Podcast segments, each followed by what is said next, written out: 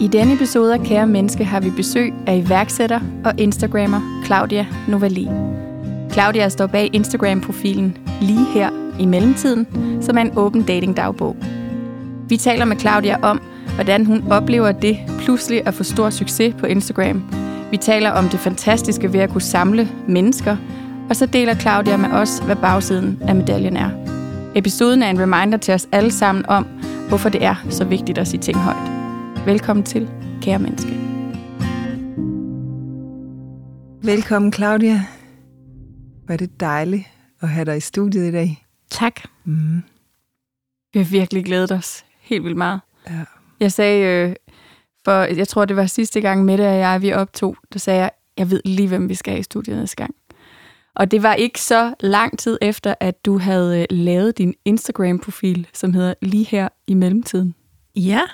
Vil du ikke dele med vores øh, lyttere, sådan, hvad handler den. Instagram-profil om? jo. Uh, basically så er det jo en åben datingdagbog. Så jeg er en kvinde, der lige om lidt bliver 33.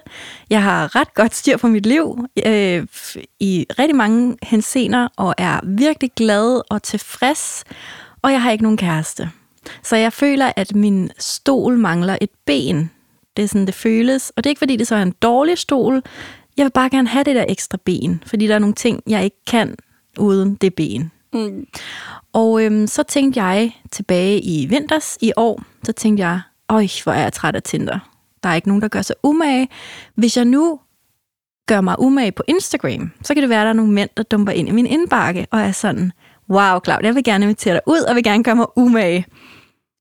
Så oprettede jeg en profil, der er ikke sådan super langt fra tanke til handling hos mig. Nej. Og så øh, de, efter tre eller fire dage, så var der 500 følgere, og øh, BT og Se og Hør ringede.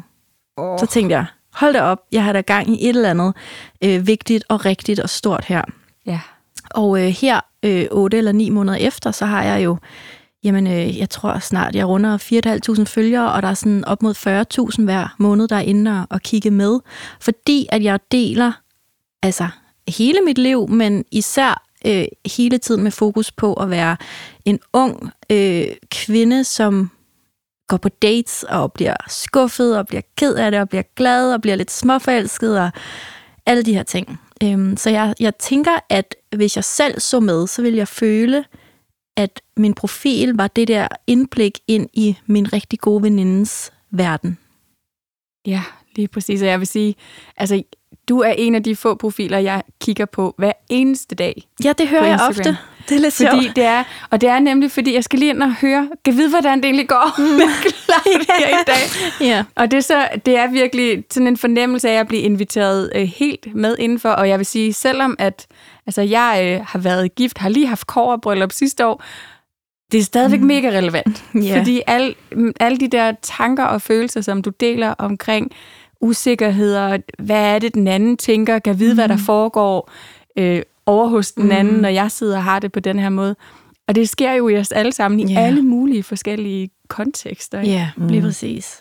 Og jer, der ikke er der mere, hvor jeg er lige nu, I, øhm, I giver i hvert fald udtryk for, at, at det netop er sjovt også at se, øhm, hvordan I selv engang havde det, eller Præcis. hvordan jeres veninder må have det, der er i min situation, eller hvordan jeg også nogle gange måske glorificerer det at være i et parforhold lidt. Fordi så er I også rigtig gode til at skrive, ja, men øh, jeg har altså skændtes med min mand i dag, og et eller andet. Vi skulle køre på hyggelig tur, og så skændtes vi hele vejen i bilen. Så, Ja, så det, er også, det er også nogle sjove inputs. Ja. Altså, jeg kom til at tænke på nu, jeg har ikke, jeg var ny til din profil, skal ja. Jeg være ærlig og indrømme, øh, og den har vi så siddet og hørt i dag, hvor, hvor det slog mig, at mange af de ting, du er rundt om, det er jo sådan set de samme emner, vi har. Jeg har også været gift i mange år. Og alligevel så er det jo lidt de samme emner. Her der er vi ligesom bare fanget. Vi har sagt ja til døden og skiller, ikke? Og vi Ja. har fået børn sammen. Så, så vi bliver nødt til at komme rundt om de der, mm. når han er pisseirriterende, mm. eller han bliver for meget, eller han bliver for lidt, mm. eller han bliver noget, vi ikke kan lide. Ja, Der, så kan vi jo ikke bare nej. sige, kan du pille af? Det er næsten lidt deprimerende, fordi ja, det, er jo, det er jo det, jeg har svært ved at tro, at, øh, at jeg skal kæmpe med det her resten af livet. Men, men det, jeg håber, det er, at nu sidder jeg og kigger på jer to dejlige kvinder, som jo har ring på, og så tænker jeg, men når I så synes, han er for meget eller for lidt, eller pisse irriterende, Mm. Så kigger I jo stadigvæk på et menneske, som I sådan helt dybfølt elsker og har respekt for, også føler samhørighed med. Mm. Og det gør jeg jo ikke med mine dates. Nej. Så derfor er det nemmere at række fuck og sige, smut. Ja. Ja, præcis. Og så vil jeg også sige, det er jo en, en kæmpe inspiration, og det talte vi også om med det, det der med, hvor tro du er mod det, du mærker. Mm. Altså, jeg, jeg tænker, altså vores podcast handler jo rigtig meget overordnet omkring både sårbarhed, men også mod. Mm. Så det der mod til at, at have, du bruger ordet tillid rigtig meget, mm. også ikke tilliden til, jamen der sker lige præcis det, der skal ske. Mm. Og jeg, jeg må gerne sige fra, der kommer det rigtige på et tidspunkt, og mm. hvis jeg mærker, der er et eller andet her, der ikke er 100% på plads, så skal det ikke være. Mm. Og det synes jeg, jeg har kæmpe stor respekt mm. for, da jeg sagde også med det. Det kan jeg mærke, det kan jeg stadigvæk godt arbejde med. Ja. Det der ja. med bare at 100% være tro mod den der, hmm, jeg mærker det her, der behøver ikke engang at være nogen forklaring på det. Mm. Jeg har det sådan her, det er rigeligt. Ja, okay? ja. Altså, øh, det, det, øh, det er også største del af tiden, sådan jeg har det. At det er virkelig sådan, det, den der tillid bor bare virkelig dybt i mig. Selvfølgelig kan jeg også komme i stormvær og blive i tvivl, og øh, alle mine fyre, eller alle mine dates på min Instagram-profil, bliver jo navngivet med sådan et nickname, og alle er helt anonymiseret, og øh, der er aldrig noget ansigt og så videre. Men der har været en, for eksempel GoMore, som var en af dem, jeg har datet længst tid på profilen, og som flest har hæppet på. Mm. Der, der følte jeg virkelig sådan, at jeg skulle bruge en forklaring, hvorfor det ikke øh, skulle være. Ja. Og jeg prøvede, og jeg prøvede, og jeg prøvede, men der var ikke nogen forklaring. Han var et godt menneske. Jeg har aldrig mødt nogen dårlige mennesker. Men jeg, jeg følte bare, at jeg vågnede op og var gladere, inden jeg mødte ham. Øhm, og det, så, det, det er bare nok for mig. Altså det, hvis ikke du gør min verden større, og mit liv bedre, mm. og mig gladere, så vil jeg hellere have det, som jeg har det nu. Fordi, altså, jeg længes efter det der ben på stolen. Man skal ikke have det for enhver pris, og skal ikke nøjes med. Nej. Det er jo også ret sejt, egentlig. Det synes jeg er fedt, at du kan holde fast i dig selv på den måde. Mm. Det er virkelig ja, hatten af det er mange det. års terapi og alt muligt navlepilleri, tror jeg. Men hvad så, når folk har en holdning til det? Der, du siger, der er mange, der skriver til dig hver dag, mm. og, og nu har de en holdning til din dates også. Mm. Så ikke nok med, at du skal bryde med for eksempel GoMore, så er mm. der lige, jeg ved ikke hvor mange hundrede mm. eller tusind mennesker, der får skrevet til dig. Ja. Så skal de også have en forklaring. Hvordan ja. det? Hmm. Altså nu startede jeg med at sige, at jeg håbede jo, at de her mænd ville vælte ind i indbakken og invitere mig ud.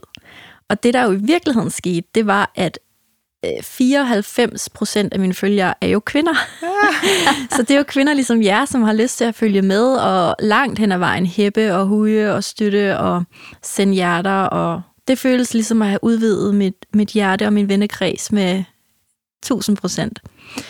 Så der er ikke som sådan, øh, indtil nu i hvert fald, nogen, der har sådan afkrævet en forklaring, fordi Mm, jeg tror også, jeg deler så, det ved du måske mere, jeg deler så tilpas meget ud, at, ja. at det ikke sådan, at jeg sidder og putter med noget, eller gemmer med noget. Øhm, så, så når jeg ligesom har, har givet min, min for, forklaring, eller delt, hvordan jeg har det, øhm, for eksempel med GoMo, da jeg ligesom sluttede det, jamen så er der ikke så mange spørgsmål tilbage. Øh, selvfølgelig kan man altid grave dybere, og man kan sige det på forskellige måder, men, men basically, så, så siger jeg ikke bare, Nå, men det er slut videre, og så snakker jeg om, hvad skal jeg have til aftensmad.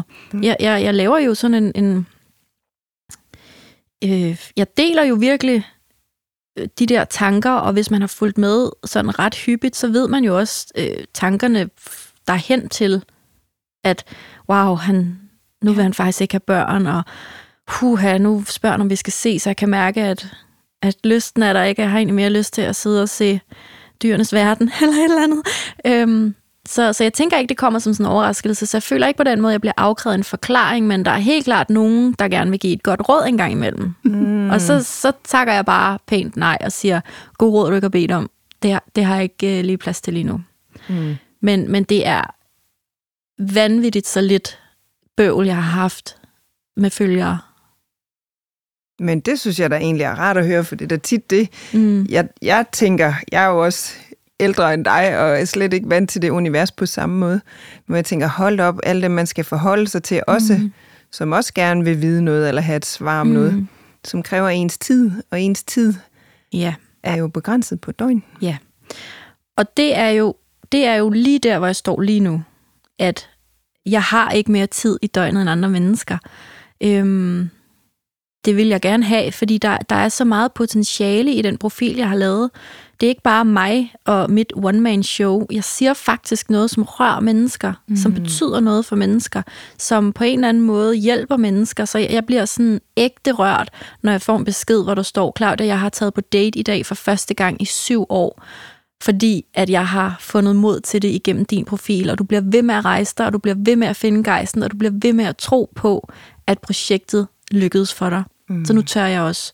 Altså sådan, jeg bliver sådan helt rørt nu, fordi tænk, at, at min tilstedeværelse på en, en profil, som, som ligger ude i space i det der internet, altså som vi stadigvæk ikke rigtig nogen af os fatter, hvad er, tror jeg. Ja, Øhm, tænk, at det kan give sådan mod og styrke til andre. Det, det er jeg stadigvæk helt på røven over. Det kan jeg virkelig godt forstå, og det er jo også... Øh, jeg tænker også, at jeg skulle lige til at, at spørge også, for jeg sidder nemlig også og tænker, men, men hvordan navigerer du i det? Fordi altså, jeg har jo også fulgt med noget tid nu at se, og kan se, det vokser. Mm. Øh, og, og jeg synes, det er fuldstændig fantastisk og magisk, og jeg kan se og høre, hvor meget der er brug for den der stemme. Mm. Både i forhold til mod til at måske date, møde andre mennesker, men i det hele taget også mod til at stå ved sig selv. Ikke? Så, så mm. din stemme er så vigtig. Mm. Men, men hvad, er der en bagside? Nu siger du, at du ikke har haft mm. sådan problemer, og du siger det her med, at du står et sted nu, hvor tiden måske åh, er knap. Mm. Men, men hvad mærker du i det? Jeg mærker, at det er blevet en hobby, som er gået fuldstændig ud over min fatteevne. Mm. Så den her profil, jeg troede skulle være mændene synes, Claudia er fed, og de inviterer hende ud, og så den på det pisse ud. Det er jo blevet til sådan et kæmpe, kæmpe, kæmpe fællesskab. Ja. Mm. Øh, specielt af kvinder. Der er også nogle rigtig søde mænd, der følger med og siger, ej, hvor er det fedt at høre det fra en kvindes synspunkt. Øh, jeg holder live-events for kvinder, der møder op. Øh, de ved nærmest ikke, hvad de kører billet til, tror jeg. De kører bare en billet på min, øh, min vibe. Øh, og, øh, og går derfra rigere på indsigter om dem selv og nye veninder, og i lørdags var de 10 af dem ude og drikke øl sammen, og altså, som aldrig, som aldrig havde kendt hinanden før, at, at, at jeg samlede dem. Wow. Ja, det er så vildt. Ja, det er virkelig øhm, fantastisk. Jeg holder også kæmpe store dansefester. Jeg har holdt en 7-8 stykker af dem her hen over øh, de sidste par måneder, og sidste gang var vi 65, der mødte op og dansede. Jeg er klar, hvor meget det fylder på et diskotek. altså, vi, vi ejede jo stedet. Øhm, så holder jeg øhm, øh, lives med forskellige tematikker på Instagram med forskellige gæster. Og så har jeg en indbakke, som bare går amok hver dag. Altså går ikke en dag, hvor jeg ikke minimum, minimum får 20 beskeder, og nogle gange får jeg 200 beskeder. Jeg har prøvet sådan at scrolle ned og tælle dem, og bare, jeg må bare give op, fordi jeg bliver, jeg bliver så overvældet. Så en ting er tid. Det har jeg mere af end de fleste, fordi jeg også har et sindssygt fleksibelt arbejdsliv, fordi jeg er selvstændig og ikke har en kæreste og en hund og nogle børn og alle de der forpligtelser. Men det, der er ved at, at, at gå hen over hovedet på mig, det er mit eget overskud mm. til at være så meget for andre mennesker hver i eneste dag. Mm. Og når andre mennesker lukker deres computer og går fra arbejde, så kan de som regel, hvis de har en sund altså hvis de er et sundt sted i forhold til deres arbejde, så kan de sådan lægge det på hylden, og så, så tænker de på det, når de kommer på arbejde igen i morgen. Men vores telefoner er jo på os hele tiden, mm. så jeg er aldrig mere end en meter væk fra Instagram. Og øh, der sker også sådan et eller andet biologisk i hjernen med nogle endofiner, har man jo fundet ud af med de her sociale medier og iPhones og ja, smartphones generelt, ja. at de er jo designet til at, at udløse nogle endofiner i hjernen, som vi godt kan lide. Så jeg bliver glad, når I har liket og kommenteret og delt og hæppet og hujet. Og, og, så der skal virkelig, altså det skal virkelig være en god film, jeg sætter på derhjemme, før at jeg ikke synes, at den er røvkedelig i forhold til at åbne min Instagram-profil. Så på den måde er det det første, jeg tænker på, når jeg vågner, og det er det sidste, jeg tænker på, når jeg går i seng. 24 timer i døgnet i 8-9 måneder nu. Ja, wow. så det er virkelig, virkelig svært at finde en pause fra det. Det er stort set umuligt for mig lige nu. Ja. Og det er, det, er, det er for mig bagsiden, at jeg føler næsten ikke, jeg føler faktisk ikke, at jeg på noget tidspunkt kan være tilstrækkelig. Fordi der er altid en i indbakken, der kunne have brug for et skulderklap, eller et, et like, eller et godt råd. Og, og der er altid noget nyt content. Altså jeg tænker jo i content, hver gang jeg laver et eller andet, så tænker jeg, det her det kunne være godt content. Ja. Så, så ja, så det har jeg ikke, det, det er jo ikke noget, jeg har talt om før, men nu når I inviterer til en snak om mod og sårbarhed, så tænkte jeg, at det var, det var måske mit springbræt til at sige, at uanset hvor meget succes jeg føler lige nu med det, jeg gør, så føles det også en lille smule tungt og svært at navigere i helt selv. Jeg er ikke nogen chef, jeg er ikke nogen HR-afdeling, der passer på mig. Jeg får ikke engang fast løn for mit arbejde. Nej. Øhm, jeg gør det simpelthen bare fordi, at jeg de fleste af døgnets timer ikke kan lade være. Mm.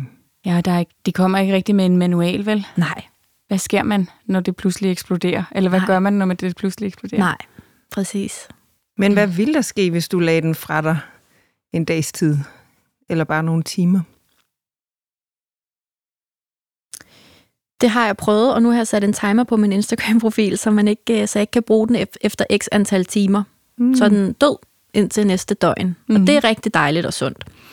Men når du spørger, hvad der vil ske, så kan jeg godt høre, at det er jo dybt idiotisk at tænke for mig, at der sker noget, fordi det er bare en app. Men det, jeg føler, der sker, som jo ikke nødvendigvis er særlig logisk, men som er super emotionelt, Sådan er det med følelser. Ja, præcis. det er jo, at jeg føler, at nogen har brug for mig derinde, og jeg er nervøs for at blive uaktuel. Så den der FOMO, altså fear of missing out, jamen, tænk hvis der er noget, jeg ikke ser derinde, eller tænk hvis der er noget, jeg ikke følger med i, eller tænk hvis jeg kunne have lagt noget fedt op i dag, fra det her, jeg laver lige nu, og så gik jeg glip af det, fordi jeg ikke lagde det op Ja. det er, det er simpelthen det, der sker inde i min hjerne lige for tiden. Hvorfor jeg bliver nødt til at lave de her regler for mig selv om at være mindre på Instagram og, og have en timer, der gør, at, at lortet lukker ned. Mm. Fordi min hjerne er som en fireårig, der bare har fået slik, og, og, og skålen er uudtømmelig. ja, der er altid mere at komme Ja. efter. Altid. Så, øh, så nu, nu bliver jeg nødt til sådan aktivt at fjerne den der skål et par gange om dagen. Wow, Ja. hvor er det interessant. Ja. Eller det, det ved jeg ikke. Jo, det, Det er synes også jeg. lidt skræmmende, ikke? Jo, det er det jo også. Mm. Men det er jo der, hvor jeg tænker, jeg sidder lige pludselig og føler mig helt enormt gammel, Nå. Nå. fordi jeg har taget et... Øh, nej, det passer måske ikke, fordi det kan være... Dengang, jeg har jo gået ned med stress, det har vi snakket om flere gange i den her podcast, mm. og det er efterhånden, hvad er det, 5-7 år siden? Ja, snart? det vil være længe siden. Ja, men der sagde min læge til mig i hvert fald, kan du ikke lige prøve at lukke Facebook? Og det er ikke, fordi jeg var synderlig meget på Facebook, men alligevel var jeg hver dag lige inde og tjekke, hvad der skete. Så sagde hun, kan du ikke lige lukke den? Mm. Fordi det der med, at man føler, man skal leve op til noget hele tiden. Mm. Og så lukkede jeg jo det, jeg tror, jeg fjernede appen. Og så, øh, så var den potte jo ude. Så Mhm. behøvede mm. jeg jo ikke at sidde og se, at alle de andre havde bare kage og været ude og se det ene og det andet og det tredje og det 17. med deres familie, og jeg bare lå der og kunne ingenting. Mm. Og så var den ud, og jeg har aldrig rigtig fået gang i det siden, Nej. hvilket egentlig er meget befriende. Så jeg bliver sådan en lille bitte smule skræmt, om hvor meget det egentlig kan tage en. Ja. Og jeg bliver faktisk også lidt skræmt på mine ungers vegne, som ja. jeg kan se bruger deres telefoner enormt meget. Ikke? Og jeg tænker, hold da op. Altså, at- at leve helt igennem den. Fordi jeg sidder jo og tænker her med, fra, fra min vinkel af, som jo har en 10 år mere på banen, eller 20 måske mere end dig, det ved jeg snart ikke. 15, tror jeg det er. Mm. Øhm, hvor jeg tænker, nå, jamen, jeg, jeg kan nogle gange glemme min telefon en hel weekend. Det er Nej. også derfor, jeg aldrig Nej. Ja. Nej. Hvor jeg tænker, det var da egentlig meget rart. Og så kan jeg godt se, at der er en masse, der har ringet eller skrevet, når jeg så finder den igen, at så har den måske ligget på en hylde, eller en af børnene har haft den lånt eller noget. Ej, jeg er målløs. Ja, Tænk, at der findes mennesker, der stadig har den evne. og jeg er helt omvendt, hvor jeg tænker, hold op, det må være enormt hårdt at være på hele tiden. Ja, det... Mm, ja, men, men, ja, men jeg kunne jo bare lade være. Men, men det, der sker derinde, det giver mm. så meget mening. Ikke kun for dem, der følger med, men også for mig. Ja. Ja, så, det, så det er virkelig en... Uh, det er jo virkelig ikke noget, jeg gør for andres skyld, fordi altså det her projekt er jo 100% drevet af mig og min åbenhed og min autenticitet og min lyst og vilje til at dele ud af mig selv. Fordi ellers så kunne jeg slet ikke lave det indhold, jeg laver. Nej. Men din generation, hvis jeg må være så fri, Det må du meget Ja. gerne. I er jo, I er jo øh, øh, generation Facebook. ja, Jeg er generation Instagram. og dine børn er generation TikTok. Ja, Og det kan være, der er noget endnu nyere, som jeg ikke engang fatter. Men Ja. ja. for mig er det nye stadig TikTok. ja. Og for jer er det nye stadigvæk øh, Instagram. Instagram, ja, det er præcis. rigtigt. Så, så det er sådan en trætrins raket. ja. Så når du siger, at du kan blive nervøs på dine børns vegne, så kan jeg virkelig godt forstå dig. Mm. Men jeg håber heller ikke, at de har nødvendigvis kastet sig ud i at lave en profil på et eller andet socialt medie, hvor at de har committet sig så meget til deres følgere, som jeg har. Nej. Øhm, eller det er ikke, fordi jeg ikke håber det for dem, fordi det håber jeg, fordi det kan virkelig også give meget. Men så håber jeg, at de er super bevidste om, hvordan de bruger deres øh, energi og ressourcer på det, så de ikke kommer til at ligge og ralle. Mm-hmm. Så Ja. bliver jeg jo interesseret i det gode råd. Hvad vil du gi- give dig selv et godt råd til det, for at komme udenom den?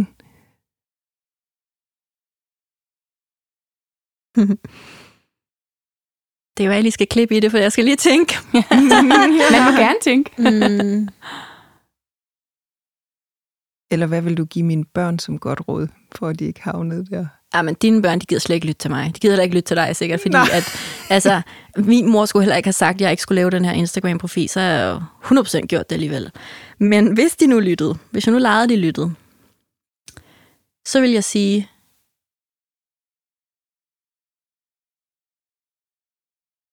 have nogle helt håndfaste regler med dig selv. Ja. Brug teknikken. Der er teknik, der gør, at din app lukker ned, eller du simpelthen ikke øh, kan få forbindelse, også til hele din smartphone. Altså hele din smartphone kan også lukke ned, så du kun kan optage nød, nødkald. Og, altså sådan, så det findes der også en app for. Så brug en af de apps til at passe på dig selv, hvis, hvis det tager overhånd. Hvis, mm. øh, hvis man som jeg øh, ender der, hvor at det kan være svært at sove, fordi der er noget federe på Instagram, Mm. så, så skal man lige bede om noget hjælp. Ja.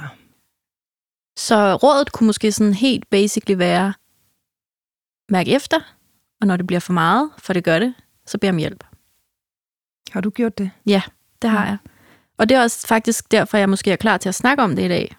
Det er jo fordi, at, at jeg har kigget min terapeut i øjnene og sagt, nu er det her simpelthen ved at æde mig med hud og hår. Nu kan jeg slet ikke øh, fungere ordentligt, føler jeg, fordi at jeg ikke får min søvn, og, og, øh, og jeg hele tiden er noget for andre, så jeg kan gå fra bussen og hjem, og så kan jeg ikke huske, hvordan jeg er kommet hjem. Fordi jeg har gået med hovedet ned i telefonen og, og, og serviceret øh, Instagram enten med stories, eller kommentarer, eller svar, eller gode råd, eller... Og det, det er ikke så sundt et sted at være.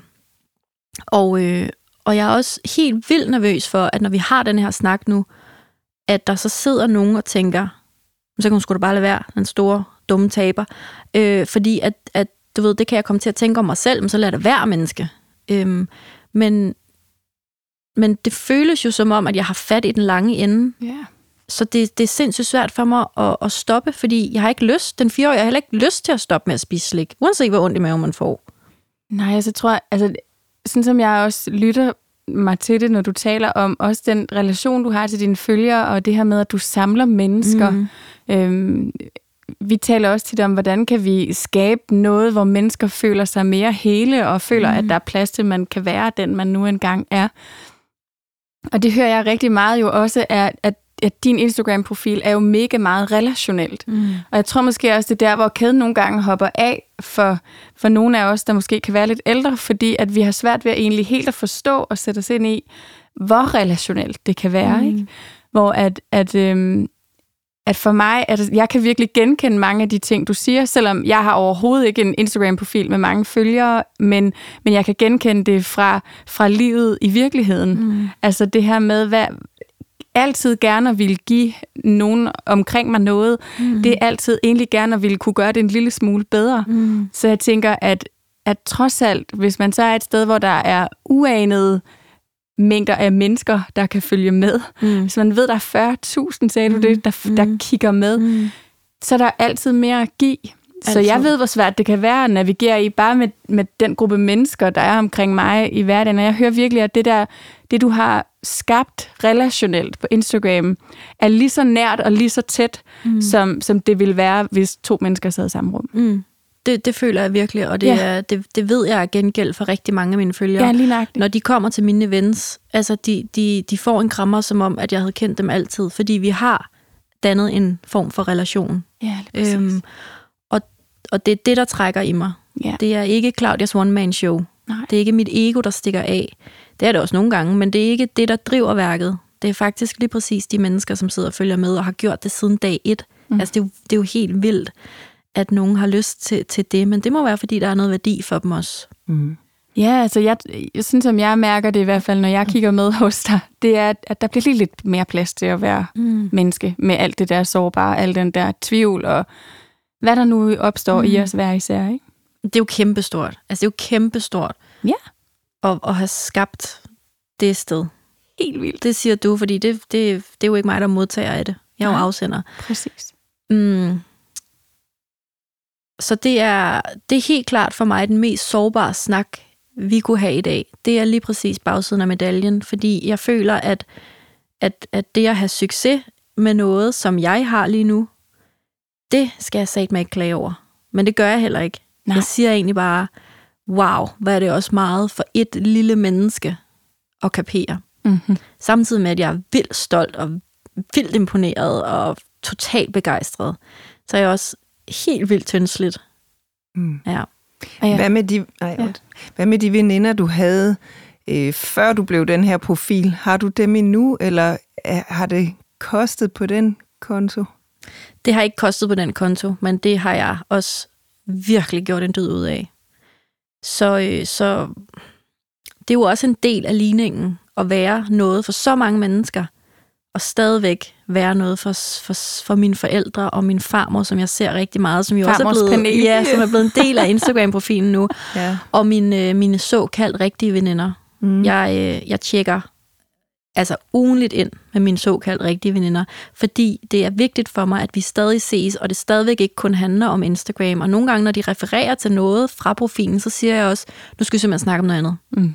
Fordi det er så stor en del af mit liv, men det skal ikke være en så stor del af vores relation. Vi skal stadig kunne snakke om alt det, som jo ikke sker på profilen. Der er stadigvæk alle mulige ting, som sker i det rigtige liv, altså i det virkelige liv, som vi også bare skal kunne sidde og sludre om. Og jeg snakker for eksempel ikke om sex på min profil. nej. Og så, så selvfølgelig skal vi snakke om sex, når vi sidder og spiser en burger nede på Halifax, ligesom vi gjorde før profilen. Og, ja. øhm, så hvis mine tætteste veninder synes, at, at der er noget, der er forandret til det dårlige, så har de i hvert fald ikke øh, sagt det til mig selv, når jeg har spurgt. Og det er heller ikke min, mit indtryk overhovedet. Altså, de, er, de er så tætte på mig, at det vil jeg 100% kunne mærke. Men det er helt klart noget, jeg har tænkt over, fordi det vil jo være den største offring. Ja. Altså, nej, det passer ikke. Den største offring, det vil være, hvis min drømmemand udebliver på grund af profilen. Og det har jeg også tænkt, når man kan vide, om der er nogen, der ikke vil være med i mit cirkus. Men alligevel, hvis han ikke vil det på en eller anden måde, så er han nok ikke min drømmemand, fordi det, det, det, det jo, lever jo i blodet på mig nu. Så hvis hans hobby var at gå på jagt, nu er jeg vegetar, jeg ville synes, det var virkelig klamt, men jeg ville da aldrig tænke, men så er han bare ikke min drømmemand. Nej, så vil jeg tænke, det passer han lige selv. Så hvis han kan rumme, at min profil eksisterer, og han kan være anonym til evig tid, hvis han vil, jamen så, så kan vi da godt sådan co-worke omkring det, ikke? Mm. Det næste mest forfærdelige, der ville ske, det var, at mine, mine veninder var sådan der, hold da op nu, er der da vist ikke tid og, mm. og plads til os mere. Altså, det vil være forfærdeligt. Mm. Så det, øhm, det, der tænker jeg ikke, vi ender, fordi der er sådan rimelig god kontakt med, med mig selv og dem. ja. Ja. Men det lyder også som om, at du har en helt enorm bevidsthed Mm. omkring, og det er jo også det, man kan høre, når du taler yeah. ind på din profil. Du er enormt meget bevidst om, hvad der sker i dig. Ja, Øhm, kæmpe fordel. kæmpe, Ja. kæmpe Ja. fordel. Øh, også i forhold til at bede om hjælp, Mm. og faktisk kunne mærke, hov, nu er det faktisk Mm. en lille smule svært, og nu er bagsiden af medaljen måske ved også at vise sig. Mm. Ja, og det sjove er, at jeg troede, bagsiden af medaljen ville være sure, dumme, tavlige mennesker i min indbakke. Altså hate, de der trolls, der vil sige, at jeg var grim og forkert, og, og dem har der, de, altså, de er indtil videre stadig udeblevet. Men bagsiden af medaljen har bare vist sig at være et spørgsmål om, om ressource og, og energi Mm. til det, jeg selv har sat i gang.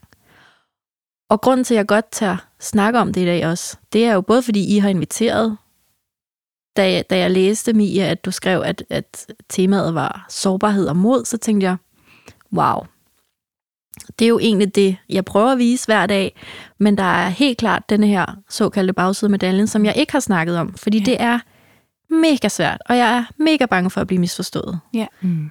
Men så havde vi den gode Tobias Rahim, som gik på scenen i weekenden. Det gjorde han jo så ikke, fordi han udeblev. Mm. Men hvis man ikke er med på den historie, skal jeg måske lige tage den. Ja, gør det. Ja, Tobias Rahim, som jo er stukket fuldstændig af, altså en af Danmarks øh, største performer lige nu, tror jeg.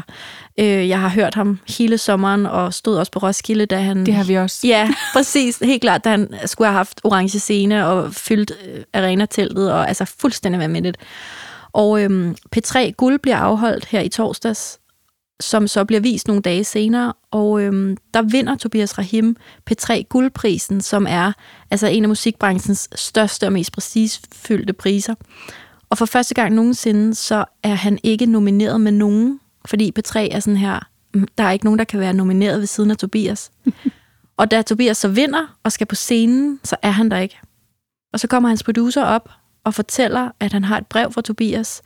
Og sådan, jeg får helt kuldegysninger, fordi det er bare, det er, det er bare sårbarhed og- ærlighed i sin reneste form, det der foregår lige der. Og han læser det her brev op, at øh, Tobias under øh, prøverne til, til dagens show har fået et angstanfald, og simpelthen været nødt til at tage hjem. Og, og belægget for det, som jeg forstod det, var ligesom det her, jamen, man kan, man kan ikke, man kan kun forvente så og så meget, at, at helt almindelige lille menneske, som også skal rumme hele verden lige pludselig. Og nu ved jeg godt, at jeg ikke er Tobias Rahim, men jeg er Tobias Rahim i den form, at mit publikum også vil mig, og jeg vil dem. Ja. Og det kan altså blive for meget for enhver. Så det, at han simpelthen udebliver på et kæmpe show, og bare sådan, fuck it, jeg har fået et angstanfald, jeg skal hjem og passe på mig selv, jeg kan ikke dukke op. Og så får han sin producer og sin korsanger til at, at, at synge det sidste afsluttende nummer, som han ligesom skulle have sunget, som hedder øh, noget i stil med mænd, de græder, eller når mænd Ja. græder, eller Ja, noget i den stil. Altså, jamen, jeg har set så mange reaktioner på Instagram med, med folk, der sådan, altså sidder og græder over det, fordi det er det er så powerful. Altså, Ja. det, det er så vildt at stå frem på den måde. Og det er så vigtigt, at, at, at vi også på en eller anden måde tør tage de snakke og sige, hør, uanset om man er Tobias Rahim, uanset om man har mega meget succes med en Instagram-profil, mm. uanset om man arbejder øh, som CEO, eller mm. hvad pokker det er, man laver af ting, øhm, som, som i nogens øjne er det, man ville kunne betragte som succes, Ja. så er der stadigvæk et menneske. Der er ja. stadigvæk bare et menneske inde bagved, som kan blive angstfyldt, og som kan blive overvældet, mm. og som kan synes, at nu er verden simpelthen for meget. Ikke? Mm. Og jeg, jeg tror desværre, at der er, der er alt for stadigvæk, der er flere og flere, der taler om det, flere og flere, der siger det højt. Men har vi bare brug for, at det er det mest naturlige i verden? Mm. At selvfølgelig går man hjem og passer på sig selv, hvis man har fået et angstanfald. Mm. Også når man er Tobias Rahim. Ja, præcis. Og det sjove er, så tænkte jeg, Nå, men hvis det var mig, der havde lavet den udmelding, hvis jeg havde skrevet på min Instagram, jeg kommer tilbage om en måned, jeg har det ikke så godt, så vil jeg med det samme tænke, så er der ikke nogen tilbage. Der er ikke et menneske tilbage, når jeg vender retur. Men når jeg tænker på, hvordan jeg reagerer over for Tobias Rahim, som jeg jo lige har fortalt, jeg har været til koncert med hele sommeren på forskellige venues, jamen, nu har jeg især lyst til at købe en billet. Ja, Ja. ja altså, lige nøjagtigt. Jeg, jeg, jeg har ikke tænkt mig at vende ham ryggen og tænke, hold kæft, en taber. Du Hvor er en er klovn. det interessant, hva'? Ja, ja, præcis. Det var da en god læring til dig. Ja. Men det er det, vores hjerne gør. Det er jo derfor, den er så nederen tit. Ikke? Fordi når det handler om os selv, så er det som om, der er helt andre spilleregler. Ja. Sådan, Hvis nogen opdager, at jeg har det på den her mm. måde, så er der ikke nogen, der gider at hænge ud med mig mere. Nej. Og i virkeligheden er det jo ofte den fuldstændig modsatte effekt. Ja. Det er ikke Ja. ligesom du siger med Tobias Rahim. Ja, ja. Det er sjovt, Præcis. ikke? at vores hjerne er bare sådan, hallo, præcis. kom nu. Så derfor er jeg vildt glad for dagens emne, som øhm, virkelig er sårbart for mig. Men, men jeg tænker også, at måske sidder der en anden type på Instagram, eller på TikTok, eller på Facebook, eller i sin egen virksomhed, der også handler om at præstere, eller i et job, man er blevet helt vildt glad for og stolt over at have fået, og man føler bare virkelig, man skal leve op til alt muligt, eller man er lige blevet mor, eller far, eller bedstemor, eller, altså der er jo, det er jo forskelligt, hvornår vi føler, vi skal sådan virkelig op på hesten og præstere her i livet. Ja. Og øhm, måske er det bare ikke så vigtigt at gøre det perfekt. Måske er det vigtigt bare at gøre det præcis det, vi kan, og det, vi har, har kapacitet til. Så vi stadig har vores nattesøvn, og stadig kan grine sammen med vores nærmeste, og stadig træffe nogle gode valg øhm, i løbet af dagen. Lige præcis. Hvor er det godt sagt. Ja, jeg sidder også hele og tænker, der har vi da lige overskriften på dagens tema. Mm. Ja, Ja, virkelig. ja. Fordi det er jo, og i virkeligheden kan man også sige, jeg ved ikke, hvordan I har det, men, men jeg har det sådan, når jeg er sammen med mennesker, som, som er højt præsterende på den ene eller den anden måde, men hvor jeg ikke kan mærke, hvor jeg slet ikke har, kan mærke noget som helst sårbarhed, øhm, så bliver jeg simpelthen utryg. Altså, Mhm. fordi så kan jeg ikke mærke dem, og jeg får ikke lyst til at være sammen med dem, egentlig. Mm-mm. Fordi det bliver lidt uinteressant, ikke? Helt vel. Hvor man kan sige, at lige så snart, at man kan mærke, at der er en skævhed, og det kan man jo se på mange forskellige måder, men lige så snart, altså om det er en, der taber kaffekoppen, eller hvad det kan være, så, så bliver man bare sådan, ah, dejligt, der er plads, vi kan trække vejret, ikke? Helt klart. Det er jo også de, det er jo de deltagere, vi tænder mest på i X-Factor og Vild med Dans. Ja. Det er jo dem, som har en historie, og som tør grine og græde, og tør fortælle noget og være sårbare og åben. Det er jo ikke bare dem, der synger øh, bedst eller danser øh, allerflottest. Nej. Det er jo dem, hvor vi kan mærke, øh, hvem de er som mennesker. Ja. ja. Og det tror jeg i høj grad er det, jeg lykkedes med på min Instagram-profil. Mm. Det er jeg slet ikke i tvivl om, at det, at det er lige præcis er det, du lykkes med. Mm. Fordi at, at der bliver mere plads. Der er plads til at være menneske der. Mm. At Ja. det er virkelig fantastisk. Mm. Så i alt det, der skal jeg også bare huske private Claudia, som før havde så meget tid til at se serier og gå ture og ringe til veninder og alt det her.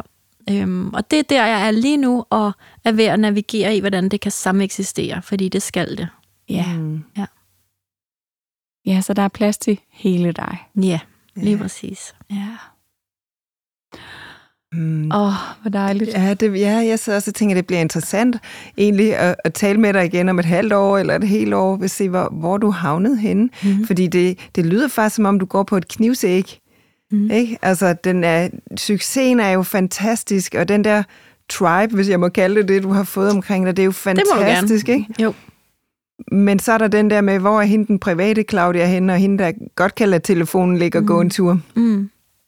Ja, vi kan godt snakkes ved, når jeg har... Når jeg har øh, altså, det, det er jo... Øh, det er ligesom at gå på en knivsæk, og det er meget nyt. Altså, det er meget få uger gammelt for mig, at jeg har indset og erkendt, at det her tempo, det, øh, det, det, det er for meget. Det er for Ja. meget.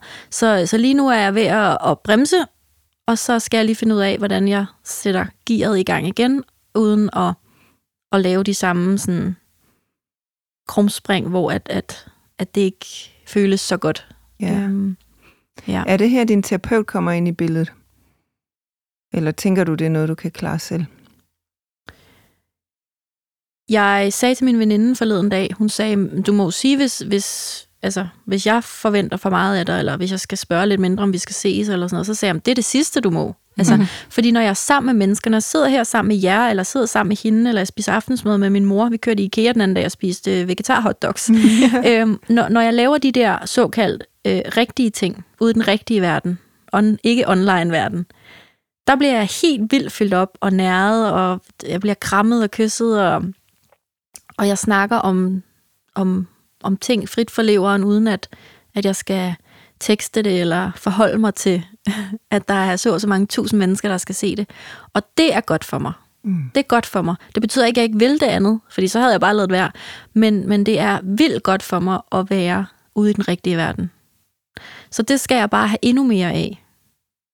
Det skal jeg have endnu mere tilbage af i mit liv, fordi det var jo det, mit liv var fyldt af før. Ja. Det var jo den rigtige verden. Øhm, Hashtags lykkelige valg. Ja, hashtag lykkelig valg. Det var sådan Det har du hashtag. nemlig brugt Ja. rigtig meget, det hashtag. Jeg har altid elsket det. Ja, det var et hashtag, jeg fandt på for mange år siden, øh, da jeg startede min virksomhed nærmest, som jo også er en bravende succes, som jeg også er meget stolt af.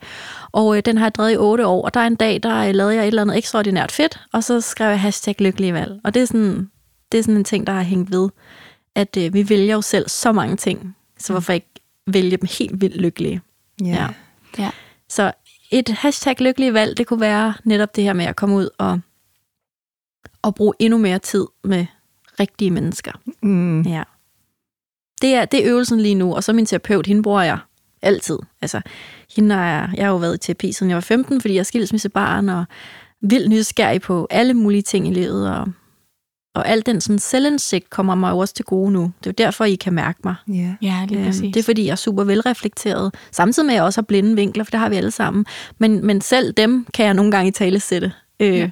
Nu føler jeg sådan her, og jeg aner ikke hvorfor, men det har sgu nok noget at gøre med. Og så kommer der et eller andet guldkorn, hvor jeg tænker, gud, nå, jamen nu poster jeg, fordi det er der sikkert også andre, der kan bruge til noget. Og det er der.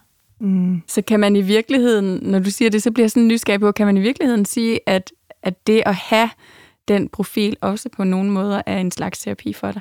Ja, 100 procent. Ja. 100 procent. Øhm, jamen, altså, jeg siger jo alt muligt, og så, så, så nogle gange så siger jeg også, og nu har jeg lige set mine egne stories. Hold kæft, nu har, nu har jeg fundet ud af, hvad det handler om. Ja, Øhm, fedt. det, det er så vildt. Altså nu, jeg, for nogle uger siden datede jeg en fyr, vi kalder Birkenstock, og øh, der laver jeg sådan en forholdsvis lang story, hvor jeg går ud i naturen og er fuldstændig frustreret, fordi jeg hører ikke fra ham, og han tager ikke noget initiativ. Og, man, og jeg kan bare mærke, han er, han er ved at glide mellem mine hænder, mm. og jeg vil ham jo egentlig gerne.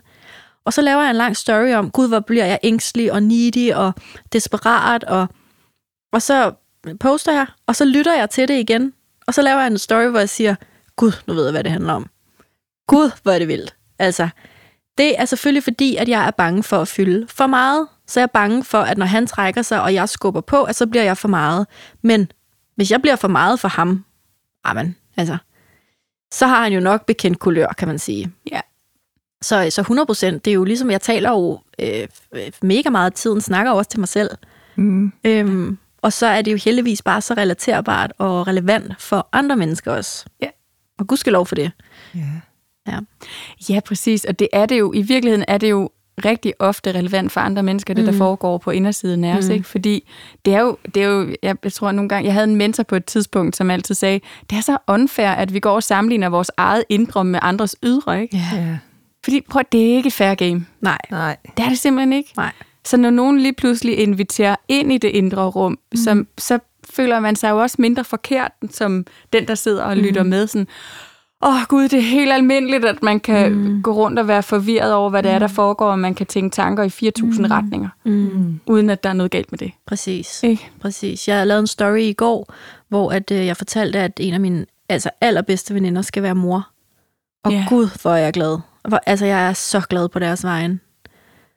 Og jeg er fuldstændig på røven.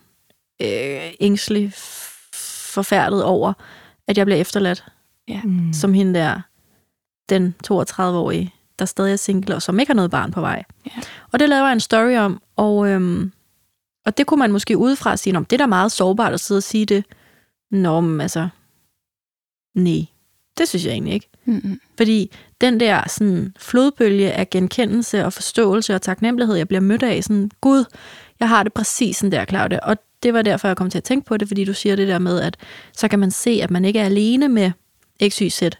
Og at sidde som 32-årig og ønske sig en familie og et, øh, et ekstra øh, ben på stolen. Mm. Og så de fleste af ens veninder, de, de, de gør det bare. Mm. Ja. De har bare, de har så mange ben på den stol, Ja. at, at de nærmest burde dele ud af dem. Altså, Ja. øhm, det kan godt være helt vildt svært og sårbart at have det sådan, men det, er- det er faktisk ikke specielt sårbart for mig at dele det, fordi Nej. jeg ved, og jeg kan se, at jeg ikke er alene om det. Mm. Så når folk skriver til mig, ej Claudia, jeg ved slet ikke, hvad jeg skal sige, men tak, fordi Ja. du viser mig, at jeg ikke er alene, så siger mm. jeg, ja, og tak, fordi du viser mig, at jeg ikke er alene. Ja. Så det går absolut begge veje. Ja. Ja. Lige nøjagtigt, og det, er jo, og det er jo det med at få sagt højt, fordi det er jo en følelse, som jeg tror, at der er rigtig, rigtig mange, der kan genkende. Mm. Fordi vi, vi er jo ikke det samme sted i livet på samme tidspunkt. Nej. Så det der med, når vi, når vi, er, når vi brændende ønsker os noget, uanset hvad det er, så kan det jo være enormt svært at, at kigge på et andet menneske, uanset hvor meget vi elsker dem og er begejstrede på deres vegne. Og, mm. Men derfra så til at sige, hey, jeg har det faktisk sådan her, og andre så møder en i, hmm, det har jeg også. Præcis. Ja. Præcis. Og så er der også de, de der såkaldt rigtige mennesker, vi snakker om i den virkelige verden, som jeg kalder mine ægte veninder. Øhm, to af dem er gravide nu, og det er da fantastisk. Ja. Og samtidig kan de godt rumme, at jeg siger, "Men hvad så med de der sommerhusture, hvor vi plejer at drikke shots? Ja. Øh, Hvad så, hvad så, hvad så med det? Ja. Øhm, hvad, hvad så med de der ture, vi plejer at tage i byen, hvor at vi kommer hjem klokken 5, og altså, hvad, hvad med det? Mm. Og det er sådan, det har været vigtigt for mig at sige til dem, prøv at høre, du ved jo godt, du ved jo godt, hvor glad jeg er på jeres vejen. Og du ved også godt, hvor svært det er for mig. Fordi at jeg har også lyst til det, Ja. som du skaber lige nu. Øhm, så det, det er jeg vildt glad og beæret over, at, at jeg godt må være glad på deres vegne, og jeg må godt føle, at det gør ondt ind i mig også, fordi det handler ikke om mig, når de skal være forældre, men det handler jo om vores relation, som ændrer sig. Ja. Mm. Øhm, og så skal jeg være tante Claudia, eller moster Claudia, eller hvad man nu kalder det. Mm. Og, øh, og det er da vildt bæret over, men, men man, man, man skal bare ikke underkende, at ligesom hvis folk flytter til Australien, jamen jeg er da vildt glad på din vejen, men jeg kommer da til at savne dig hver dag. Altså jeg kommer da til at savne at kunne se dig om tirsdagen og tage Ja. i biografen. Ja. Øhm, ja, så også det i tale sætter jeg, fordi det er Ja. også genkendeligt for, for mange. ja. Øhm, og så er der faktisk dem på den anden side, dem som har fået alle øh, benene på stolen, hvis jeg må være. Altså, det, det, det er ikke for at være begrænsende, at der kun er x antal øh, ben på en stol, fordi det er der jo ikke. Men jeg t- tror godt, at folk forstår øh, billedet. Mm. Øhm, så er der ligesom dem, der har fået de her stole på plads, og så har de fjernet benene igen. Altså dem, der bliver skilt. Ja. Dem, der gør deres børn til skilsmissebørn, altså som har den sorg og den frygt og forvirring og frustration, og som sidder på den anden side af en skilsmisse og skal til at finde ud af, når, hvor går man så i byen nu, når man er plus 40, og Mm. alle mine veninder er stadig i parforhold, og hvad gør vi med sommerhuset, og vil min, altså, hvor tit skal jeg se mine børn, og hvad skal jeg lave, når mine børn ikke er hjemme, Ja. og Ja, hvordan holder vi juleaften? Og, uh, Ja, præcis. altså, det og, det. og det ved jeg i- ikke noget om fra et, et voksens ståsted, men jeg ved noget om det fra et barns ståsted, og det snakker jeg også om. Mm. Ja. Og, og de kvinder og mænd følger også med hos mig, fordi de skal også lige pludselig ud på datingmarkedet igen og være åbne og sårbare og modtagelige, og Mm. hvor går man hen, og hvordan bruger man Tinder, og hvad, altså, hvad gør man? Altså, det er ligesom om de lige er dumpet ned fra en anden planet og, og, og siger, Nå, Claudia, nu er jeg åbenbart med i din tribe, hvad, hvad gør vi så herfra? Mm. Øhm, så det er også vildt dejligt, at, at den gruppe af mennesker følger med og føler, at de får noget ud af det. Ja, da. det er Ja. kæmpe reach, Ja. du faktisk har, når man folder den ud på den Ja. måde. Sådan er det Ja. måske bare med sårbarhed. Det kan godt at... være, det er sådan. Men jeg kan faktisk godt huske den periode, du beskriver lige nu. Jeg kom ud af et langvarigt forhold, som jeg havde haft op igennem 20'erne. Så da jeg blev 30, hvor man inde i mit hoved skulle være nået dertil, at man Ja. havde mand og børn, ikke? Ja. og alle de andre var skudt af på den. Mm. Og så var jeg sådan lidt, okay, der er jeg så bare overhovedet ikke. Og der gled jeg meget af på de venner, jeg havde der, fordi det gjorde simpelthen for ondt at være mm. sammen med dem. Ja. Og jeg begyndte at gå på dates og alt muligt, og jeg, der var sgu ikke rigtig noget, der klingede. Og så nåede jeg til et punkt i mit liv, hvor jeg tænkte, det der med mænd, det sgu nok bare ikke til mig. Da jeg sådan ligesom havde været der et Det par kender jeg godt. Ja. Men det sjove var, da jeg accepterede det helt ind i mig selv, Mm. jeg skal sgu nok bare ikke have en mand. Jeg tror, der gik to dage, Mm. så mødte jeg ham, jeg er gift med i dag. Mm. Og jeg, der, jeg havde helt afklaret med mig selv, jeg, jeg bliver en af dem, der aldrig finder en mand.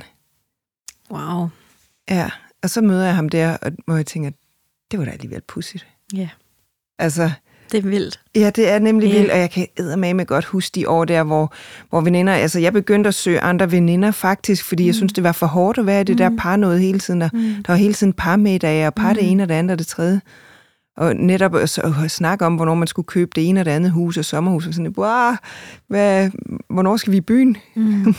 Det er jo lige præcis, øh, ja, det er jo essensen af Claudias Tribe, som mine følgere har kaldt sig selv nu, og oprettet en, en gruppe, øh, så de også kan mødes uden for, for mit lille univers, fordi at jeg kan ikke facilitere alting. Så Ej. det, øh, det har de simpelthen valgt at kalde Claudias Tribe, og det er jo lige præcis også kvinder, som du beskriver Ja. dig selv, at, at det kan være vildt svært og sårbart, og nærmest føles umuligt måske at passe ind i, i den samme vennegruppe sådan for evigt, hvis man ikke lige er der, hvor de andre er. Ja. Og så øh, det er DNA'et på de kvinder, jeg samler. Det er kvinder, som jo ikke er forkerte eller trælse eller nederen, eller ikke kan, kan finde ud af at have veninder andre steder uden for, for min tribe. Altså, Mm. det er jo lige præcis kvinder, som ikke har så mange andre at spejle sig i i deres nære omgangskreds mere. Mm. Øhm, og så hugger vi op, og så er der bare fuld knald på spejling og forståelse og genkendelighed. Ja. Ja. Så du havde sikkert hooket op på den vibe, da du var det der sted, hvis min profil havde fandtes. Ja, hvis det fandtes dengang. ja. Øj, jeg føler mig som sådan en gammel ronkedår lige nu. det er du ikke. Dinosauren. det er du sørme ikke. Men øh, jeg, jeg, jeg er også lige blevet 40. Ja, ja det er godt. Jeg er også 32. Jeg føler, jeg føler mig egentlig heller ikke så ung mere, men øhm, ja, jeg kan godt sådan sidde og tælle, hold da op, hvis jeg så bliver mor som 35 år, hvis det lykkedes mig, så er jeg 50, når mine børn skal konfirmeres og sådan noget. Altså det kan jeg godt blive ja. enormt ked af. Men ved I hvad? Altså det hjælper jo ikke nogen. Nej, altså, det og den tror jeg også, man skal parkere. Jeg har to veninder faktisk, som er blevet mødre i, den ene faktisk her sidst i 40'erne. Øhm, og det, altså, der var ønsket om at blive mor bare større. Yeah. End, øh, og det kan jo også lade sig gøre i yeah. dag. Ja. Ja, jeg, jeg tror også, at lidt, i, for, lidt i, i virkeligheden i forhold til det, du også selv tit siger med tillid, ikke? Altså, jeg tror, der er fordele og ulemper ved begge dele. Mm, altså, yeah. jeg, jeg kigger også... Nogle gange så tænker jeg faktisk, hmm, kan vide, hvordan det ville blive at være mor i dag? Jeg tror, jeg ville have en helt anden ro i, mm. i det at være mor, end, end jeg havde, da jeg var... Jeg blev mor første gang, da jeg var 27, ikke? Mm. Den uro og alt det, jeg havde med det, og gør jeg det rigtigt, og kan jeg nu finde ud af, og... Mm. Altså, det, der, jeg kan, altså, det var jo fuldstændig forvirrende. Mm. Og jeg tror, at det, så, det, det, er jo, det er jo i virkeligheden bare forskellige yeah. tidspunkter, ting lander på, yeah. hvor at der er fordele og ulemper ved det. Helt klart.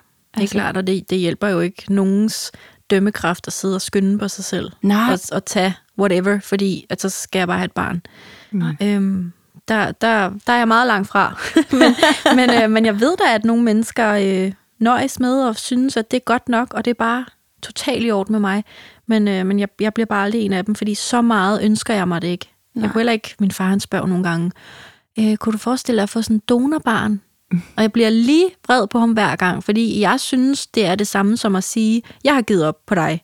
Mm. Og det, det kan vi ikke tillade os. Vi kan ikke tillade os at give op på hinanden. Så jeg beder dem om at lade være med overhovedet at, at bringe det emne på banen, fordi det gør mig dybt kød af det. Ja. Og så er mit, mit svar altid til ham, og kæft for irriterende. Og prøv at høre, jeg har jo aldrig nogensinde ønsket mig et barn så meget, at jeg har lyst til at gøre det selv. Jeg har kæmpe respekt for dem, der gør det, men, men det er først de seneste to-tre år, jeg har indset eller blevet opmærksom på, at jeg ønsker mig børn. Mm. Så for mig er længselen til det slet ikke det, der kommer først. Nej. Det, som jeg snakker primært om på min profil, jeg snakker faktisk nærmest aldrig om børn jo, Nej. men det, jeg primært snakker om, det er jo længselen efter samhørigheden og mm. parforholdet og ja. os to mod hele verden. Og, og hvis jeg skal være lidt grov, så er det jo alt det, jeg selv mistede, da mine forældre blev skilt. Ja. Der røg hele grundlaget og fundamentet og trygheden og samhørigheden og fuldstændig som afgrund under mine fødder forsvandt det. Ja.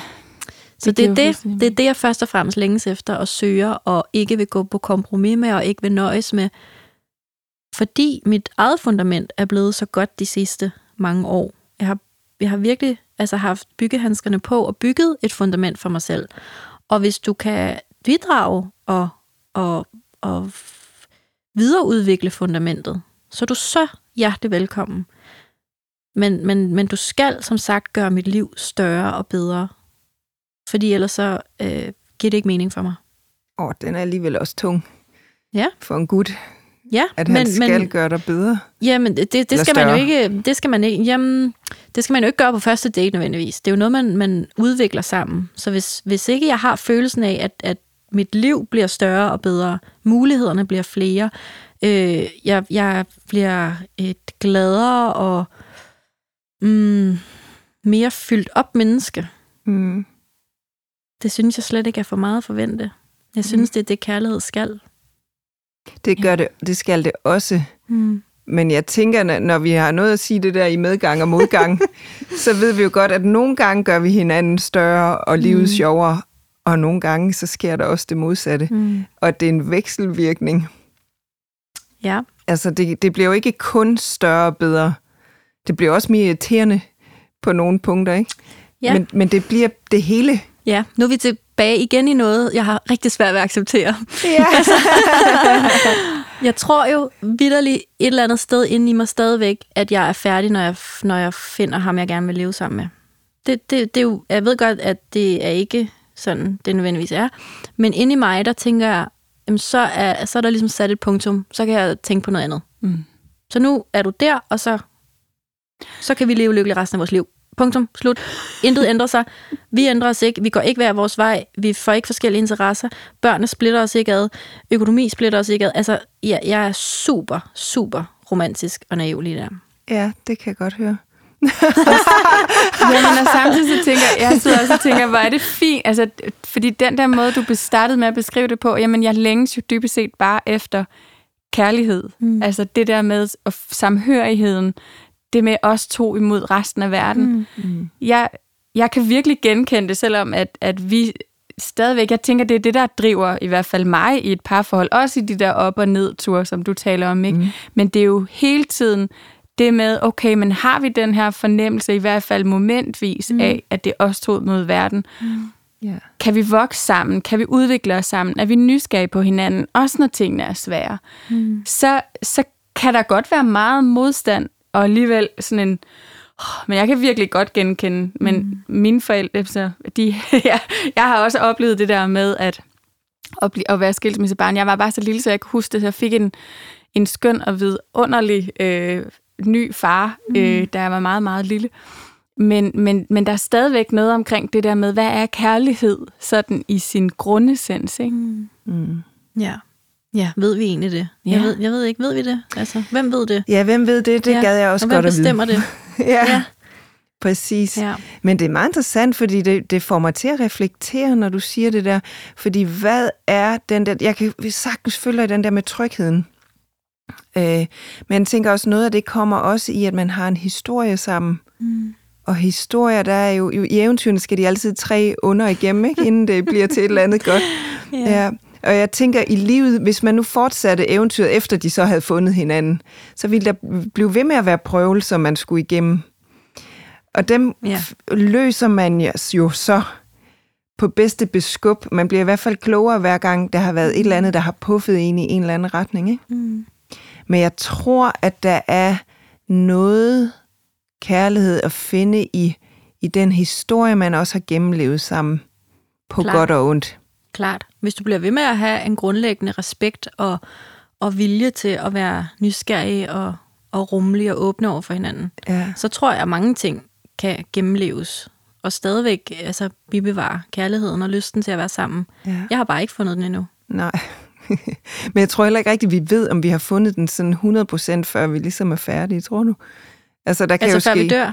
Jamen, jeg tænker, der kan jo ske mange ting, afhængig af, hvordan vores værdisæt er. Men Ej, der kan jo ske vi. masser af ting. Nej, det overgår jeg ikke. Nej, vel? Nej, jeg ikke. Jeg, gør, jeg vil ikke. Jeg overgår det simpelthen ikke. Ej. Jeg kan høre, hvad du siger nu, jeg overgår det simpelthen ikke. Nej. altså, så hvis I sidder der med jeres ringe og siger, at I stadigvæk kan, kan det ved, jeg ved ikke, om det er det, I siger, men hvis det er det, I siger, at man stadig kan blive i tvivl og tage ting op til revision og sådan noget, det overgår jeg ikke, fordi det er jo alt det, jeg er i lige nu. Hver gang jeg går på en date, så skal jeg revurdere, har jeg lyst til at gå ud med ham igen. Og hvis, ja. hvis den sådan hvis der er en fli af det i et ægteskab, så bliver jeg simpelthen så udmattet.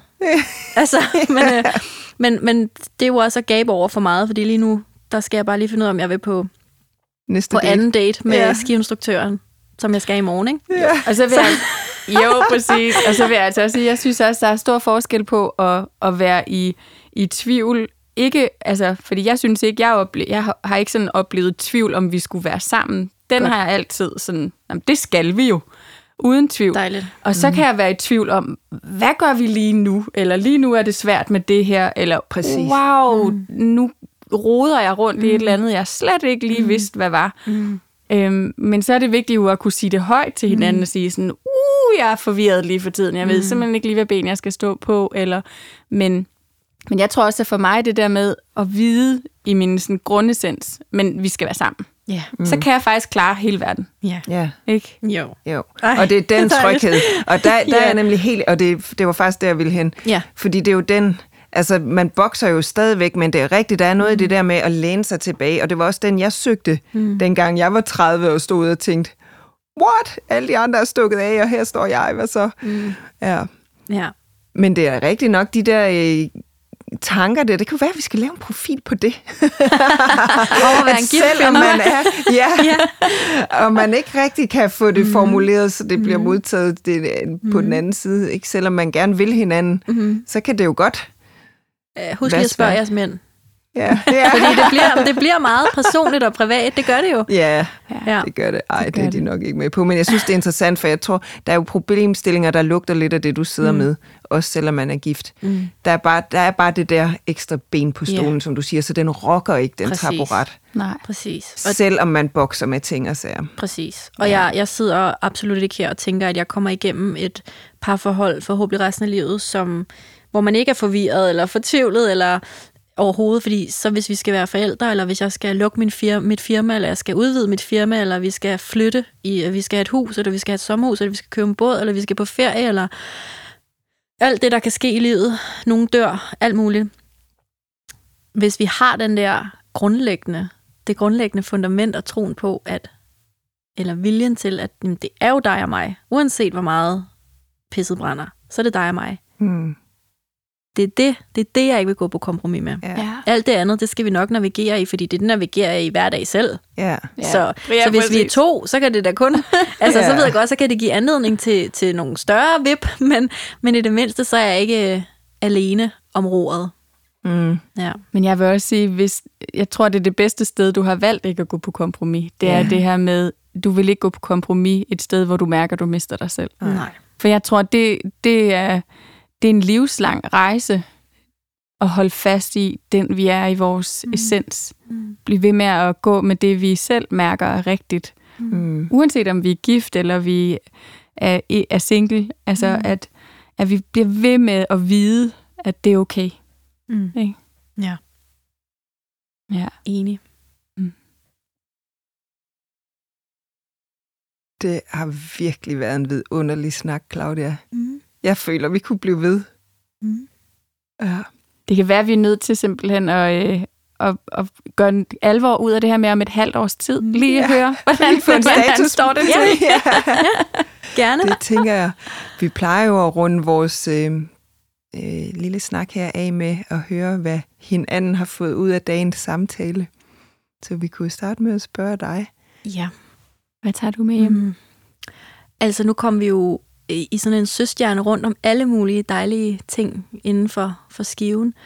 Men det, jeg øh, går herfra med, det er, at jeg fik øh, et, et, et rum, I skabte et rum for mig til at sige, hvad der sker lige nu, som jeg ikke selv har kunne få ud over mine læber.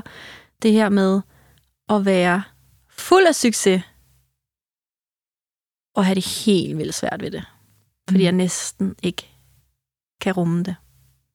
Ja, det er det, jeg går herfra med primært. Så tak. Velbekomme. tak. Det er smukt. Tak for din Mm. åbenhed. Ja. Hvad tager du med, Mie? Jamen, jeg tager en, den største sådan taknemmelighed med i forhold til det at have et rum sammen. Jeg bliver gang på gang mindet om, hvor vigtigt det er, at vi stiller rum til rådighed for hinanden, fuldstændig ligesom du gør på din profil. Øhm, og hvor vigtigt det er, at vi siger ting højt. Mm. Det vi er altså virkelig bare mennesker. Så tak fordi, at du har sagt ting højt i Ja. dag. Selv tak. Hvad tager du med hjem med det? ja, men jeg kan virkelig kun nikke til det, du siger der. Hvor er det smukt at tage bladet fra munden på den måde. Og være fuldstændig ærlig om, hvordan det også er Mm. At have succes, Mm. for eksempel. Mm. Ja. Ja, ej, hvor er det rigtigt. ja, Mm. virkelig. Og så synes jeg, der er noget enormt smukt i din... Nu sagde du naivitet, det, det vil jeg faktisk ikke kalde det. Jeg vil mere kalde det det der med at holde fast i din egen kerne. Det synes jeg er enormt smukt, fordi ham der, du ender med, det bliver... Øhm, altså, det, hvis du kan blive ved med at holde fast i dig selv på den måde, så bliver det så ærligt. Mm. Og det synes jeg er virkelig smukt. Mm. Så den ærlighed der, den, øh, den gør ret meget ved mig også. I virkeligheden synes jeg, du er enormt modig. Mm. Så, øh, så jeg tager også lige en lille portion mod med i baglommen fra i dag. Jeg har sådan en uh, saying sådan, i løbet af ugen på min Instagram-profil, hvor jeg altid siger dagens reminder. Mm-hmm. Og hvis jeg lige må dele den med jer i dag, Ja, så er det for mit vedkommende. Hvis du findes, så findes han også. Og Ja. det er alt, hvad jeg lever efter. Ja, Mm. det er så sandt. Tak for det. Og tillykke med kærligheden, I to. Nu skal, skal gå hjem og værdsætte den. tak. Tak, tak fordi du kom. Selv tak. Tak fordi I lyttede med.